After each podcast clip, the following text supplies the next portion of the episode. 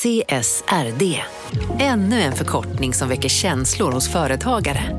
Men lugn, våra rådgivare här på PWC har koll på det som din verksamhet berörs av. Från hållbarhetslösningar och nya regelverk till affärsutveckling och ansvarsfulla AI-strategier. Välkommen till PWC. Hej! Är du en av dem som tycker om att dela saker med andra? Då kommer dina öron att gilla det här. Hos Telenor kan man dela mobilabonnemang. Ju fler ni är, desto billigare blir det. Skaffa Telenor familj med upp till sju extra användare. Välkommen till någon av Telenors butiker eller telenor.se. Välkomna sommaren med att... Res med Stena Line i sommar och gör det mesta av din semester. Ta bilen till Danmark, Tyskland, Lettland, Polen och resten av Europa. Se alla våra destinationer och boka nu på stenaline.se. Välkommen ombord!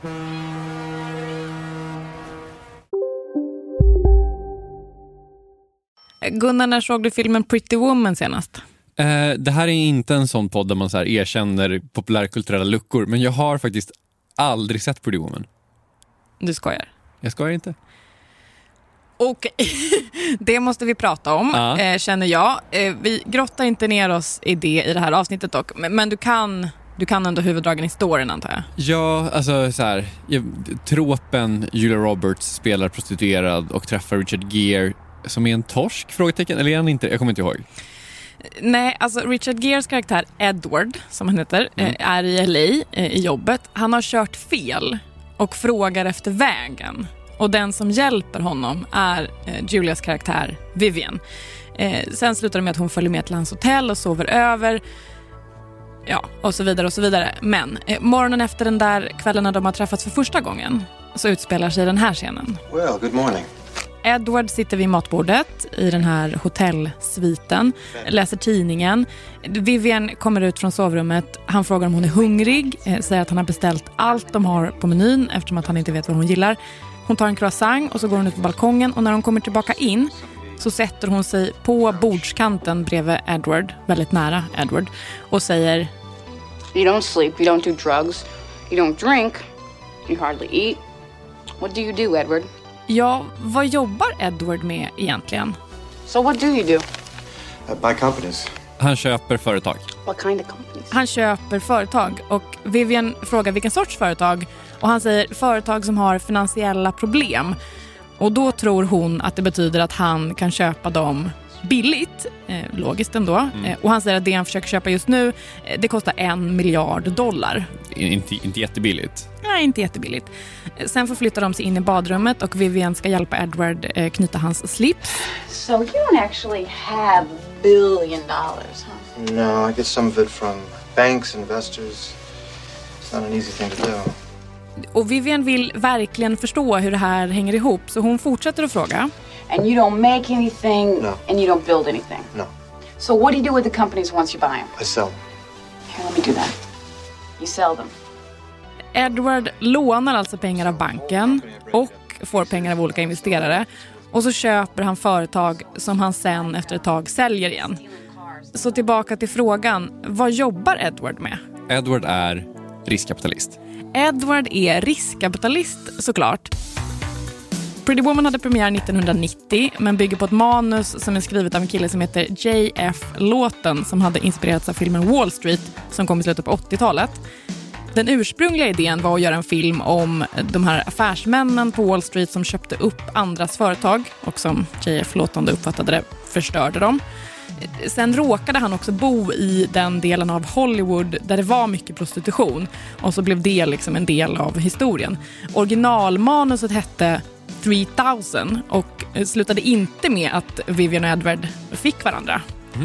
Det jag vill komma till är att det är ingen slump att den här historien dyker upp när den dyker upp och att Edward har det jobb han har. Varför inte det en slump? För att man kan säga att 80-talet var riskkapitalbolagens smekmånad. Och under den här smekmånaden så befann sig Mikael Ahlström mitt i smeten. Våren 1982 så sitter han som vanligt på sitt kontor på Manhattan i New York och läser tidningen Journal of Commerce.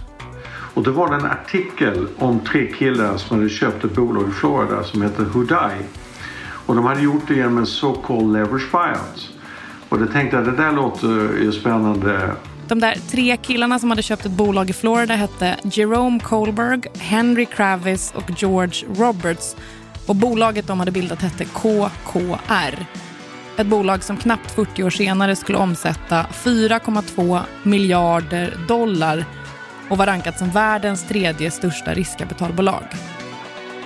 Från Monopol Media, du lyssnar på Kapitalet med mig Åsa Secker. Och med mig Gunnar Harjus. Idag om det riskvilliga kapitalet och hur det gick till när det tog över världen. Efter det här. Vi sponsras av Storbrand Asset Management som ju förvaltar över 1000 miljarder norska kronor, bland annat för SPPs eh, många pensionssparare. För två år sedan så investerade Storbrand i drygt 60 tåg, alltså tågvagnar, eh, som rullar mellan London och Skottland. De leasar sedan de här tågvagnarna till tågoperatören som alltså kör tågen och säljer biljetter och sånt eh, med ett avtal på 27 år. Så britterna får nya fina tåg och Storbrands kunder, eh, däribland alltså SPPs pensionssparare, får en inflationsskyddad avkastning med låga risker under lång tid. Det här är ett av supermånga exempel på hur pensionskapitalet i växande omfattning bidrar till att bygga samhället och inte minst till att klara klimatmålen. Det behövs elproduktion, elnät, batteriparker, nya transportlösningar och allt möjligt. Bara i Europa antas investeringsbehovet för att klara klimatmålen uppgå till tusentals miljarder dollar. Och det här är ju pengar som ganska ofta saknas i statsbudgetarna. Däremot är det här pengar som pensionsbolagen kan vara med eh, och stoppa in, vilket ger pensionsspararna en fin avkastning under lång tid samtidigt som man är med och ställer om samhället. Vi har gjort ett helt avsnitt om det här eh, som man kan lyssna på. Det publiceras här i Kapitalet i mitten av maj. Ratta gärna in det om ni vill lära er mer om hur det här funkar. Men tack säger vi till Storbrand Asset Management som ju investerar i alla tänkbara tillgångslag, bland annat för pensionsbolaget SPP. Och tillsammans försöker ju vi, Storbrand och SPP öka medvetenheten om hur pensionerna funkar och vilken roll pensionerna spelar i samhället och i ekonomin.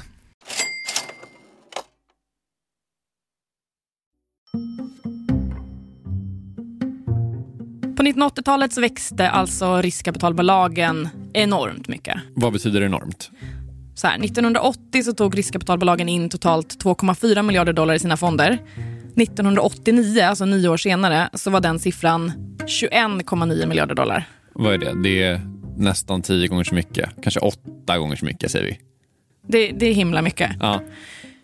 Och det här gäller ju framförallt en typ av riskkapitalbolag. Det finns alltså flera sorters riskkapitalbolag. Ja, det gör ju det. Eh, Och innan vi dyker ner i hur de här bolagen uppstod och blev så himla stora så tänker jag att vi måste ju reda ut vad det är vi pratar om eh, när vi pratar om riskkapitalbolag. Du, det tycker jag låter som en, en toppen idé. Kör! Vi börjar väl med den absolut mest givna frågan. Vad är riskkapital? Riskkapital är ju någon som vill stoppa in sina pengar i ett projekt som anses riskabelt. Det här är Lotta Engsell Larsson. Jag har jobbat som ekonomijournalist större delen av mitt liv och eh, är idag ledarskribent på Dagens Industri. Och innan hon började som ledarskribent på Dagens Industri så skrev Lotta Engsell Larsson en bok som heter Finansfurstarna, berättelsen om de svenska riskkapitalisterna. Riskkapital är alltså pengar som någon är villig att riskera och som man stoppar in i onoterade bolag. Alltså bolag som inte finns på börsen. Exakt, eller så köper man ut dem eh, från börsen. På engelska så kallas ju det här för eh, private equity. Eh, men det finns olika sorters riskkapital, alltså olika sorters private equity. Men I Sverige har vi ju bara ett ord. eh, på engelska delar man alltså upp private equity i venture capital och leverage buyouts. Eh, men på svenska får liksom alltihopa ofta bara heta riskkapital. Ja, det är ganska dumt. Det är dumt för att Jo, men för att de här två sorterna, venture capital och leveraged buyouts, är två helt olika saker. Helt olika. Det man kanske hör mest om i Sverige, just nu i alla fall, tycker jag, eh, det är ju venture capital. man känner att liksom venture capital, eller VC som man förkortar i Sverige ibland, lite pinsamt tycker jag. Det är, liksom, det är verkligen omskrivet. Det, är så här, det finns ju hela, alltså typ hela Breakit är ju bara så här olika VC-finansierade liksom bolag och sånt där. Olika startups som tar in miljoner hit och dit. Och, runder som man öppnar och stänger och fyller på och sånt där. Exakt. Eh, det är den sortens riskkapital som kommer in alltså väldigt tidigt. Typ när någon precis har startat ett företag och behöver en massa pengar för att kunna satsa. Eh, och venture capital är ju liksom riskvilligt kapital på riktigt. Det gjordes en studie på Harvard Business School för ett antal år sedan som visade att 75 procent av startups som tar in venture capital misslyckas. Det tycker jag ändå låter som chockerande mycket att det skulle vara tre fjärdedelar av, av liksom alla de här bolagen som konkar. Alltså det, det, betyder inte att de konkar så här. Enligt den här studien då så, så var det runt en tredjedel som konkade. Men tre fjärdedelar eh, kommer inte att leverera avkastning på investeringen. Alltså riskkapitalbolagen som gick in med venture capital kommer inte att tjäna några pengar på sin investering. Ibland kommer de inte ens att få tillbaka det de faktiskt investerade. Okej, så liksom i någon grad misslyckades. Liksom. Eh, och vad är den här andra sorten då som vi var inne på? Du sa att det fanns två olika. Helt olika. Det andra är det som vi ska ägna resten av det här avsnittet åt. Det som på engelska kallas för leveraged buyouts. Utköpsbolag, det, det är ju en term. Problemet är att den har inte riktigt satt sig i det allmänna medvetandet tror jag. Nej, det kan man väl inte riktigt säga att den har. Alltså, frasen LBO har nått min horisont, men det är inte mer än så. Men, så att Lotta, du får nog berätta lite mer tack. Själva poängen är att hitta bolag som är ordentligt undervärderade som man tänker att det här kan vi göra mycket mer med. Och riskkapitalbolagen som ägnar sig åt leveraged buyouts står för en mycket större del av kapitalet än venture capitalbolagen. V vad menar du med mycket större? Ja, men så här, jag gick in på Svenska riskkapitalföreningens hemsida och kollade på lite olika siffror. Eh, 2019 så köpte de svenska utköpsbolagen, de här leveraged buyouts-bolagen, andelar i företag för 34 miljarder kronor. De investerar 34 miljarder av sitt kapital. Venture capital-bolagen gick in med 3,4 miljarder. Så 85 procent av riskkapitalet investerades av utköpsbolag och 15 procent av venture capital-bolag. Så det är väldigt stor skillnad. 34 versus 3,4, det är alltså att utköpsbolagen går in med tio gånger mer deg. Exakt. Det, det, är skillnad. En annan skillnad mellan de här olika eh, sorternas riskkapital det är att utköpsbolagen köper en majoritet av ett bolag så att de ska kunna göra en massa stora förändringar på kort tid. Medan venture capital-bolagen blir minoritetsägare. Så att liksom utköpsbolagen kommer gå in och vara superaktiva också? Exakt. Venture capital-bolagen skulle nog också kalla sig för så aktiva ägare, men de tar inte en majoritetspost i bolaget. Fattar.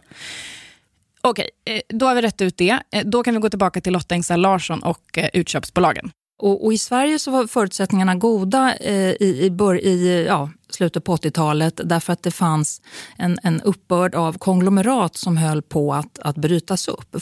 företag som Electrolux innehöll ju liksom gräsklippare och alla möjliga saker. Precis som vi idag, du skrattar lite, som, som vi idag tycker, men gud hur kan det höra ihop? Och det gjorde det ju inte heller, men det var en tidigare trend.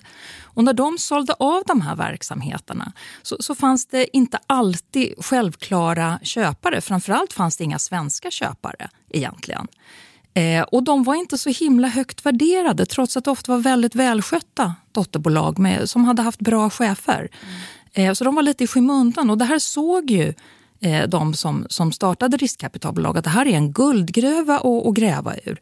Sen kom ju ungefär samtidigt avregleringen av telemarknaden. Så, så många av de här som kom första generationen, som Mikael Ahlström till exempel, eh, de, de, eh, inte han, men, men den generationen, de köpte ju bolag från dåvarande Televerket, eller som blev då Telia AB, när de eh, skar bort olika saker. Och det var ju, ja, det, det var en, en, en väldigt god affär, för de skänkte ju bort de här bolagen i princip.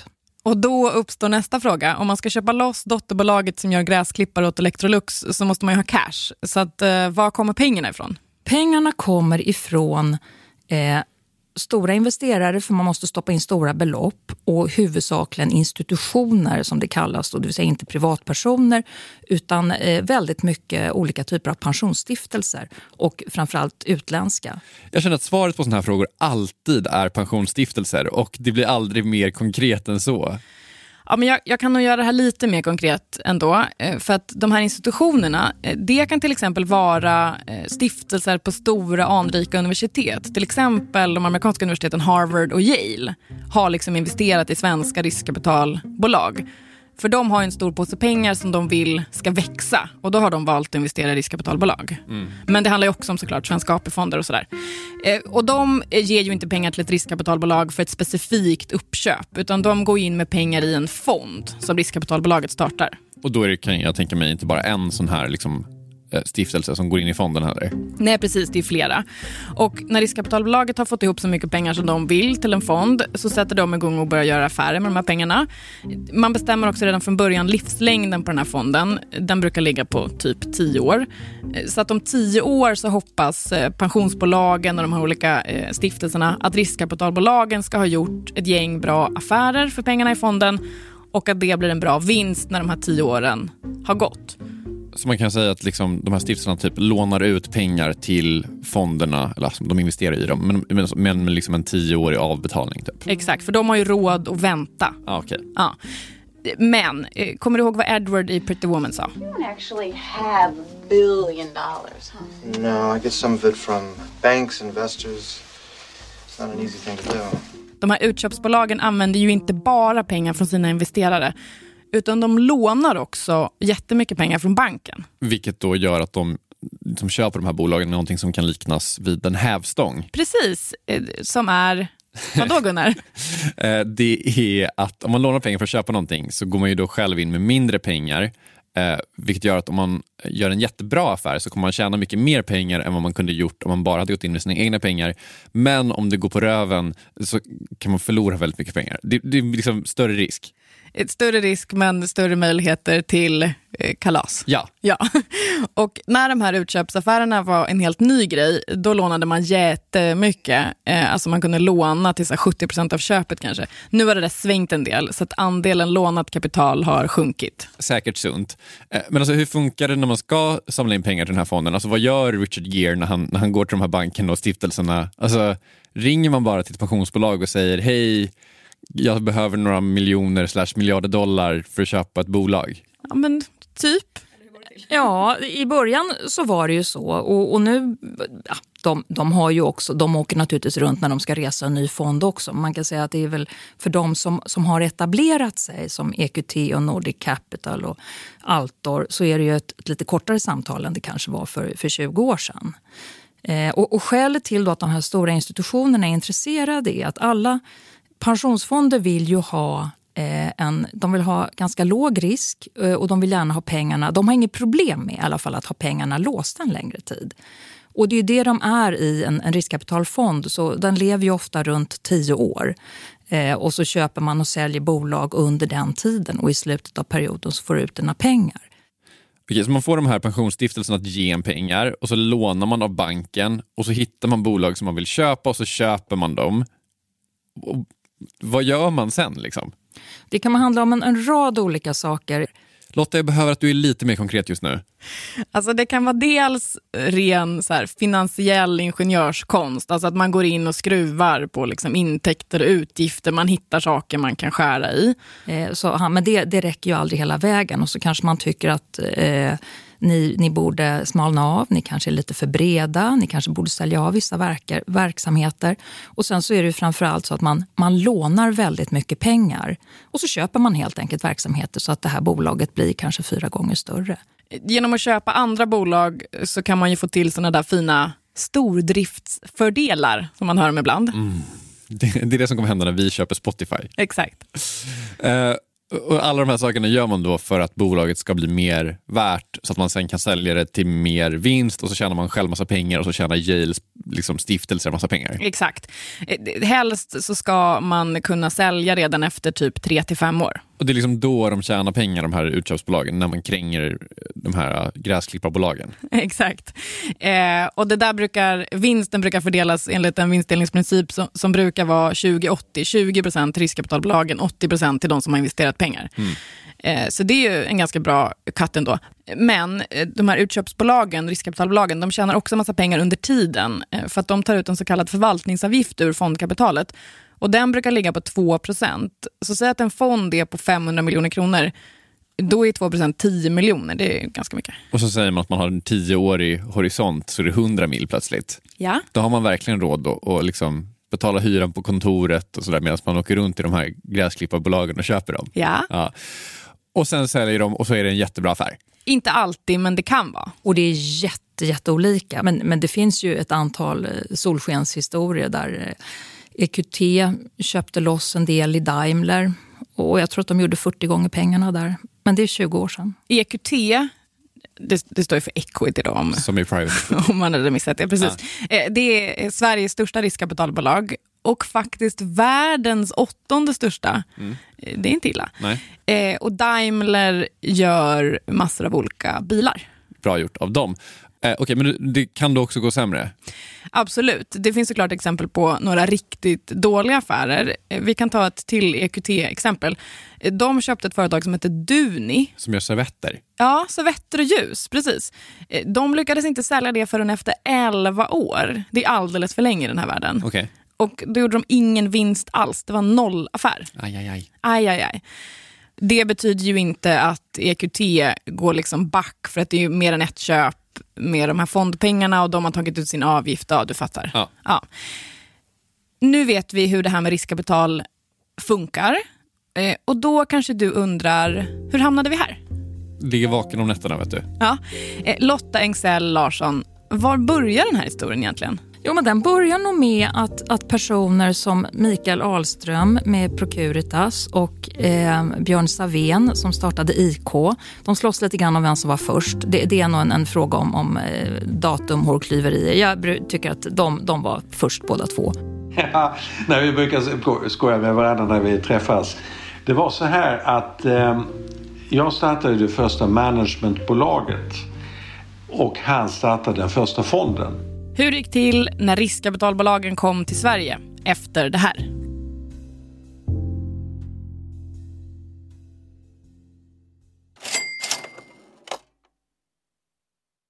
Kapitalet sponsras av Master Exchange, plattformen där du som privatperson kan investera i låtar och får pengar varje gång de här låtarna spelas.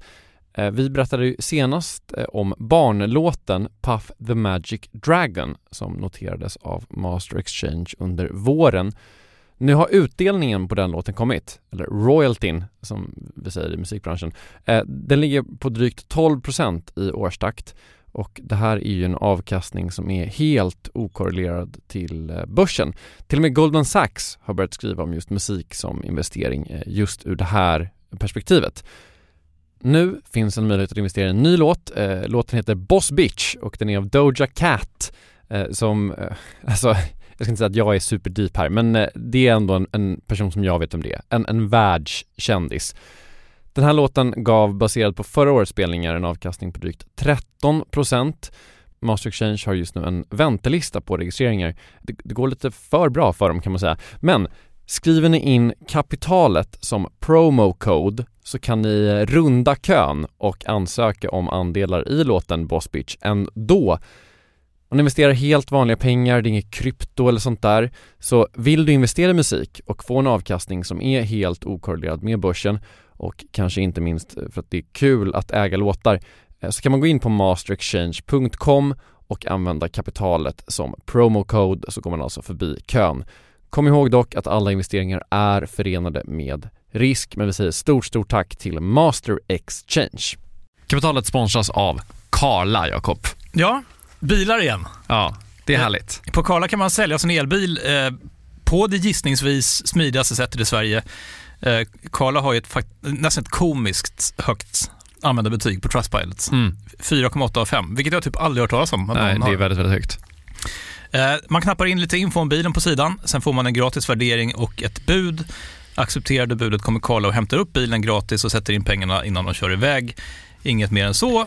Rätt fantastiskt. Nej, det är faktiskt Ja. helt otroligt. Och eh, det kan bli ännu mer eh, otroligt än så. eh, För att vi har nämligen en rabattkod som ger dig 2000 kronor extra för bilen. Så om du säljer din bil så får du två lax extra. Stämmer. Bara sådär.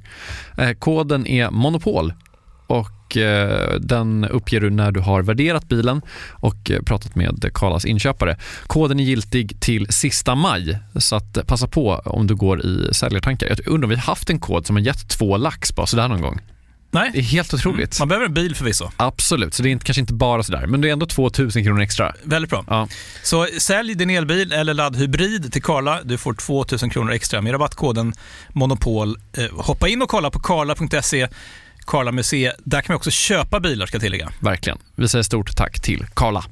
Riskkapitalisten Mikael Ahlström han är inte helt eh, obrydd när det gäller det här vem som var först med att starta utköpsbolag i Norden. Men Riskkapitalföreningen, när de gjorde någon historik över riskkapitalens historia och gjorde en tidslinje, då så satte de eh, Procutas som det första bolaget i, eh, i Norden som gjorde riskkapitalaffärer av den här typen. Så att om, om, om de är domare, då, då vann jag. Okej, Mikael vann, bra gjort. Eh, hur kommer det sig då att han kom på att göra det här då innan någon annan i Norden hade kommit på det här? Vi tar det från början. Mikael Ahlström växte upp i Helsingborg, det hör man, att han är från Skåne. Eh, efter att ha pluggat en sväng i Lund så åker han till USA 1978 för att hälsa på sin flickvän. Det är i mitten på december. Jag kommer ihåg att jag gick ut och, och det var en vinterdag eh, sent på eftermiddagen och eh, jag gick längs med 34 gatan förbi Macy's bort mot Broadway.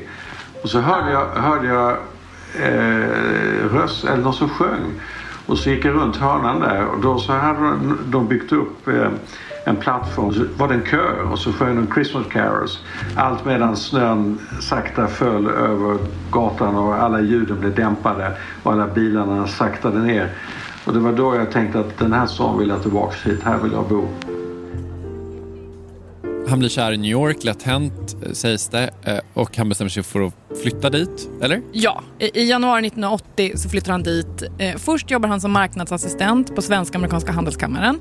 Sen får han jobb på ett ställe som heter Energy Supply International. Och det är på det kontoret som han sitter den här aprildagen 1982 och läser Journal of Commerce.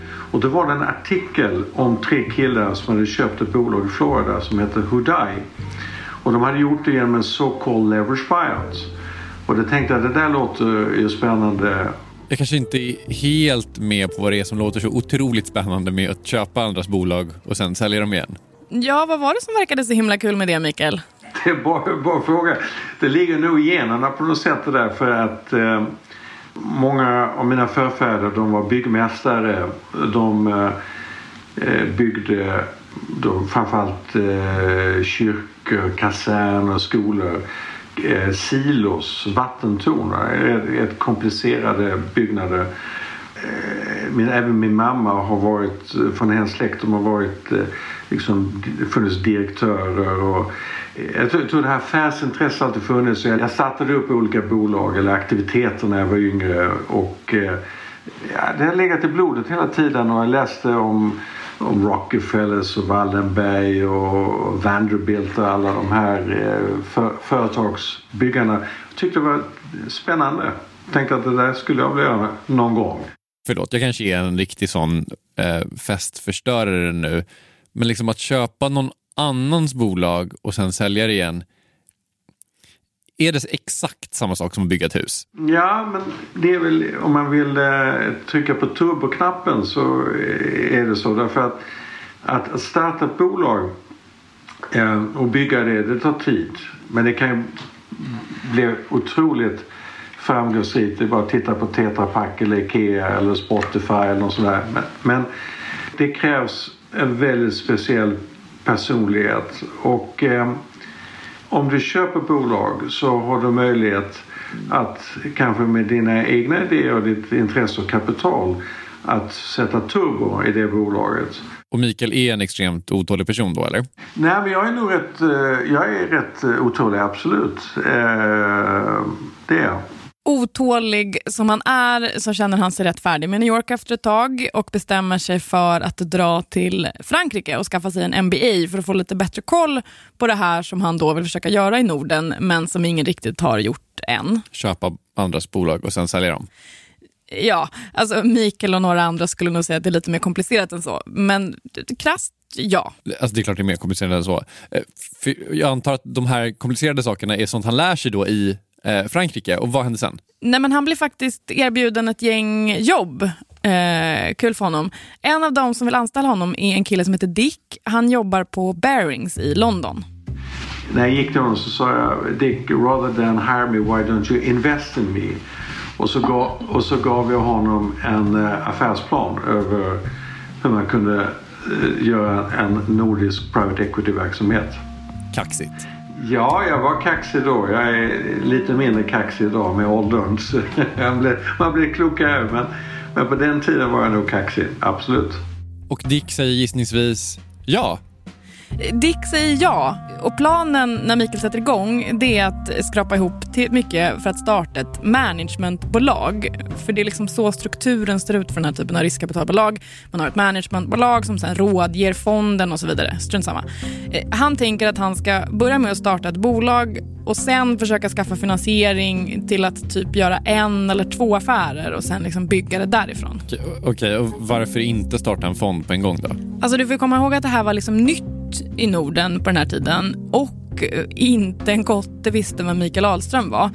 Det var liksom ingen som skulle ha gett honom typ 100 miljoner eller vad han kan ha behövt för att starta en fond. Så han är liksom lite tvungen att börja i andra änden. Men jag tänkte att jag kanske har credibility att starta ett litet managementbolag och så kanske vi kan göra en eller två affärer med, eh, liksom med ad hoc-finansiering. Och eh, då behövde jag inte så mycket pengar för att få igång det bolaget. Så att jag räknade med att få ihop en eh, två och en halv, tre miljoner kronor så klarar jag mig så länge så att jag kanske kan få ihop en affär eller två. Fattar. Och det här lyckas de då sno ihop på något sätt? Ja, eh, från lite olika håll. Ikanobanken är inblandat eh, till exempel. Eh, så 1986 så startar han sitt bolag Procuritas. Men liksom en grej också, hur ska han få till de här första affärerna? Det är ju inte bara att ta vilket bolag som helst antar jag. Nej, det var, det var, jag, jag förstår du tänker. Nej, det var så här att eh, jag skrev då en massa brev. Det här var innan. Så att en massa brev gick ut och jag och eh, min dåvarande hustru och en sekreterare, vi satt Antingen var precis före julafton, Väldigt så analogt. Jag vet inte vad jag förväntar mig. Men... Ja, men så där är det ju ofta när man berättar en historia som utspelar sig för länge sedan. Att man så glömmer att det var länge sedan och att det var en annan tid. Alltså buyouts och vad man kunde göra. En, jag hade gjort en datakörning av, eh, jag tror vi bara skrev till svenska av någon anledning just den gången. Och då hade jag sökt på vissa nyckelord som solvensen och rörelseresultat förhållande till omsättning, alltså marginalen och lite sådana saker. Eh, och så hade jag naturligtvis tittat och valt ut de bolag jag gillade. Av, efter att jag gjort den här kvantitativa körningen så gjorde jag mer kvalitativ analys. Och någon svarar? Jag hade en student då, som var sekreterare och hon sa att det är en, det är en man jag ringer, det heter Asplund. Eh, just det, eh, han fejkar danska här för att han startade det här bolaget i Danmark på grund av att de är med i EU, det är lite lättare, bla bla bla. Jag hade, tror jag, det här telefonsamtalet och då var han direktör för Gunnebo. Han tyckte det lät spännande det här med, med buyouts och så började vi prata. 200 brev, ett telefonsamtal. Det är en lite svag utdelning. Jag känner att jag hackar lite på Mikael, men... men... alltså, så här, det kanske var fler som svarade, det vet faktiskt inte jag. Eh, men det var med Asplund och Gunnebo som Procuritas gjorde sin allra första affär i alla fall. Okej, okay. eh, men han har inte startat någon fond, för det hade han ju inte då. Var kom alla de här pengarna ifrån? Ja, men de kom, precis som när han skulle starta sitt managementbolag, då, från lite olika håll. Eh, dels så lyckades de låna av nuvarande Swedbank eh, och sen så gjorde de också den här affären tillsammans med två andra bolag eh, som också gick in med pengar. Och sen använde Procuritas sin egen fee, alltså avgiften de tar för att göra affären, den använde de och satsade som eget kapital. Så det var, det var ett litet hopplock kan man säga. Och det här blev gissningsvis en ganska bra affär? Om jag minns rätt så var det åtta gånger pengarna tror jag då. Jag tror nog att vi får räkna det som en en typisk bra affär. Typiskt bra affär. Och Sen gjorde de någon affär till och 1990 så var det dags att starta fonden. Och Det är då man ringer och säger hej, vill ge mig pengar till min fond? det är intressant också att innan man får någon att investera första gången jag vet inte hur många hundra vi hade kontakt med. Men i slutändan då så var det en 10, 12, 13 investerare som kom in och eh, jag tror att vad vi sa, jag kommer inte ihåg men jag tror att vi sa det att nu har vi gjort, eh, vi ringde runt till olika som vi visste investerade fonder och sa att vi har gjort den här, de här affärerna och vi tänker nu etablera den första fonden och eh, vill ni vara med? Och, eh, och det ville då, eh, som tur var, några stycken. Annars hade, jag inte, hade du och jag inte haft det här samtalet. Eh, Mikael minns såklart vem det var som sa ja först. Det gör jag. Och jag satt just och tänkte på det. Och det var en väldigt trevlig engelsman som heter David Castles som jobbade för en, en engelsk bank som hette Midland Montague.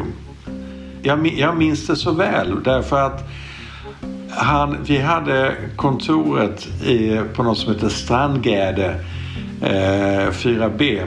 Jag, var en, en, jag hyrde en eh, stor gammal lägenhet av ett företag i Danmark och eh, så delade vi upp den så en del var en lägenhet och en del var, var kontor. Men i alla fall, då var han där, vi hade en prestation och eh, vi, jag följde honom ner till bilen taxin står. Jag, jag minns han eh, liksom... Eh, vi lägger in väskan i bagageutrymmet, anstränger och så säger jag So David, you think you're gonna invest? Och så sa han, yeah, I will recommend we make uh, a 10 million kronor investment. 10 miljoner kronor.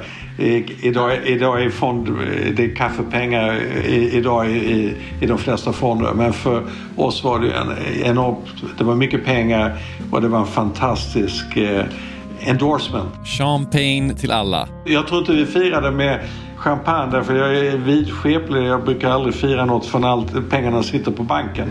Champagne for my real friends, real pain for my fake friends. Något sånt där. Jag kan inte ihåg. Det är typ så. Men affären gick ju i lås så att jag antar att det blev något slags firande till slut.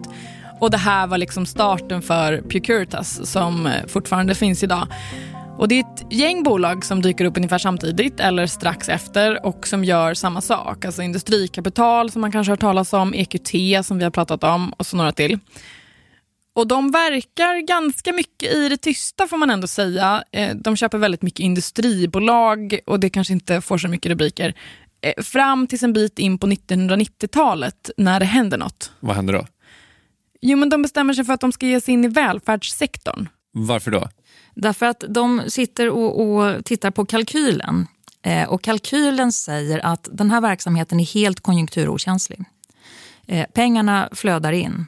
Eh, det finns två så att säga, operationella risker. Eh, och det ena är eh, att man blir utkonkurrerad av någon annan. Och det andra är att regelverket förändras. Och man kan väl säga att eh, kalkylerna stämmer, för det är jättelönsamt för de här bolagen att börja köpa och starta skolor, omsorgsverksamheter, allt det här. Men som vi vet så går det ju inte bara bra. Ännu en gång slår läkare och vårdpersonal larm om mycket allvarliga brister. Den här gången gäller det Koppargårdens vård och omsorgsboende i Vällingby, Stockholm. Eh, det här boendet drivs av det privata vårdbolaget Carema. JB-koncernen meddelade igår att företaget lägger ner all sin verksamhet i gymnasie och grundskolor. Och både Carema och JB Education har ju gjorts eh, långa dokumentärer om, så jag tänker vi behöver inte grotta ner oss i de fallen. Men man kan i alla fall konstatera att riskkapitalbolagen hade underskattat vad det betyder att gå in i en sektor som finansieras med offentliga medel. När offentliga pengar går in i det här, då är det allas angelägenhet. Och när vi ändå pratar om det som har fått det att liksom storma kring de här bolagen så ska vi säga att det också har varit väldigt mycket diskussioner om hur mycket skatt de betalar. Eh, Skatteverket har gjort en massa utredningar genom åren och så sent som häromveckan så kom ett beslut från kammarrätten om att Björn Savén på Industrikapital eh, ska betala 1,8 miljarder kronor till i skatt. Eh, det här ska han överklaga såklart. Där ligger man lite i lä. Ja. Jag hade ingen restskatt i år i och för sig, men jag hade verkligen inte 1,8 miljarder i restskatt. Och jag menar, det, har ju varit diskussioner om liksom skatteparadis och liksom skatteuppläggen som är med och bidrar till att de här bolagen tjänar så mycket pengar. Um, men så här, både frågan om skatter och den här frågan om riskkapitalbolagens vara eller icke vara i välfärdssektorn, de kommer ju liksom och går lite i debatten. Och vilken sida man ställer sig på handlar, skulle jag säga ändå, ganska mycket om var man står ideologiskt. Ja, eh, det ju. Men en sak som är sann, oavsett vad man tycker, eh, det är ju att riskkapitalbolagen har vuxit något enormt sen Mikael Ahlström satt och liksom klistrade kuverten där julen 1986. Så om man liksom zoomar ut lite och försöker ta ett lite bredare grepp, det gillar vi att göra i den här podden. Mm. Vilken betydelse har de här bolagen haft alltså så för så här, svenskt näringsliv? Jag tycker att det här låter som en, en, en typisk forskarfråga faktiskt. Per Strömberg. Hej Per, det här var Åsa Secker på Kapitalet. Ja, hej. Det tyckte jag med, så att jag ringde en forskare. Eh, Jag heter Pelle Strömberg, jag är professor i finansiell ekonomi på Handelshögskolan eh, med särskild inriktning mot riskkapital. Eh, så Pelle, eller Per Strömberg, vilken betydelse har riskkapitalbolagen haft? Det finns ju mycket forskning på hur företag påverkas av att vara ägda av private equity-ägare. Och den eh, liksom, forskningslitteraturen skulle jag säga är till åtminstone tre fjärdedelar väldigt positiv om man tittar på eh, lönsamhet och produktivitet och den typen av faktorer. Liksom. Så visar det sig att liksom, produktiviteten går upp efter eh, att företag blir förvärvade av riskkapitalägare liksom, i den här ägarformen. Så att det är klart att det har ju skapat ett antal liksom, starka företag. Jag tror att det har bidragit till, positivt till så att säga, näringslivets utveckling i Sverige, det tror jag. Så kan det ju såklart säkert vara, men drygt 30 år är också ganska lång tid. Alltså man kan ju tänka sig att förutsättningarna för de här bolagen har förändrats en del. Alltså att det har ju hänt saker med Sverige och med ekonomin i stort, liksom samhället sen 86 för guds skull. Buyout-branschen mer generellt då, den har ju växt så mycket och det är så mycket mer aktörer och så mycket mer konkurrens så att det inte är lika lätt att liksom tjäna pengar eh, längre. Då köpte man liksom bolag i början på 90-talet och höll dem till slutet på 90-talet, ja då tjänade man pengar även om man inte var så himla fantastisk industrialist. Sen var de säkert duktiga på att utveckla bolag också. Så att, eh, eh, men, men, även om de inte hade varit så duktiga så hade man ju tjänat pengar bara för att man köper billigt och säljer dyrt. Liksom. Kul för dem tycker jag det låter som. Eh, och det som ändå varit den största frågan de senaste tio åren då, alltså om riskkapitalbolagen ska vara i välfärden eller inte, eh, vad, vad känner Pelle om det? Någonstans så får man säga det att, att riskkapitalägare är väldigt bra på att liksom tjäna så mycket pengar som det går i de företagen de äger. Um, och um, det kanske inte är nödvändigtvis så att i alla delar av välfärden vill man ha företag som vars mål är framförallt att klämma ut, klämma ut så mycket pengar det går från verksamheten. Då kan det ju bli problem. Men det är liksom en annan fråga. Det har ju mer med privat välfärd att göra eh, och där det funkar och inte funkar snarare än kanske riskkapital i sig, i alla fall min uppfattning. Och om vi ska ha privat välfärd eller inte är ju som bekant en politisk fråga. Det som forskningen har varit mest kritisk till eh, det är faktiskt riskkapitalbolagens betalningsmodell. Alltså den där förvaltningsavgiften som vi pratade om förut, som brukar ligga på 2% Är avkastningen så bra som den borde vara för de här eh, institutionerna som investerar i riskkapitalfonderna? Eller är det så att när avbränningen via avgifter är, så, är alldeles för stor? Liksom? Och finns det smartare sätt att göra det här på, billigare sätt att göra samma sak? Kort och gott. I det stora hela så har, det varit, har man liksom utvecklat bolag på ett bra sätt men man har tagit väldigt bra betalt för, kanske för bra betalt för besväret. Och med det är kapitalet slut för idag. Vill man läsa mer om de svenska riskkapitalisternas framfart i Sverige så kan man läsa Lotta Engsell Larssons bok. Den heter Finansfurstarna, berättelsen om de svenska riskkapitalisterna och finns att köpa där olika böcker finns. Mm.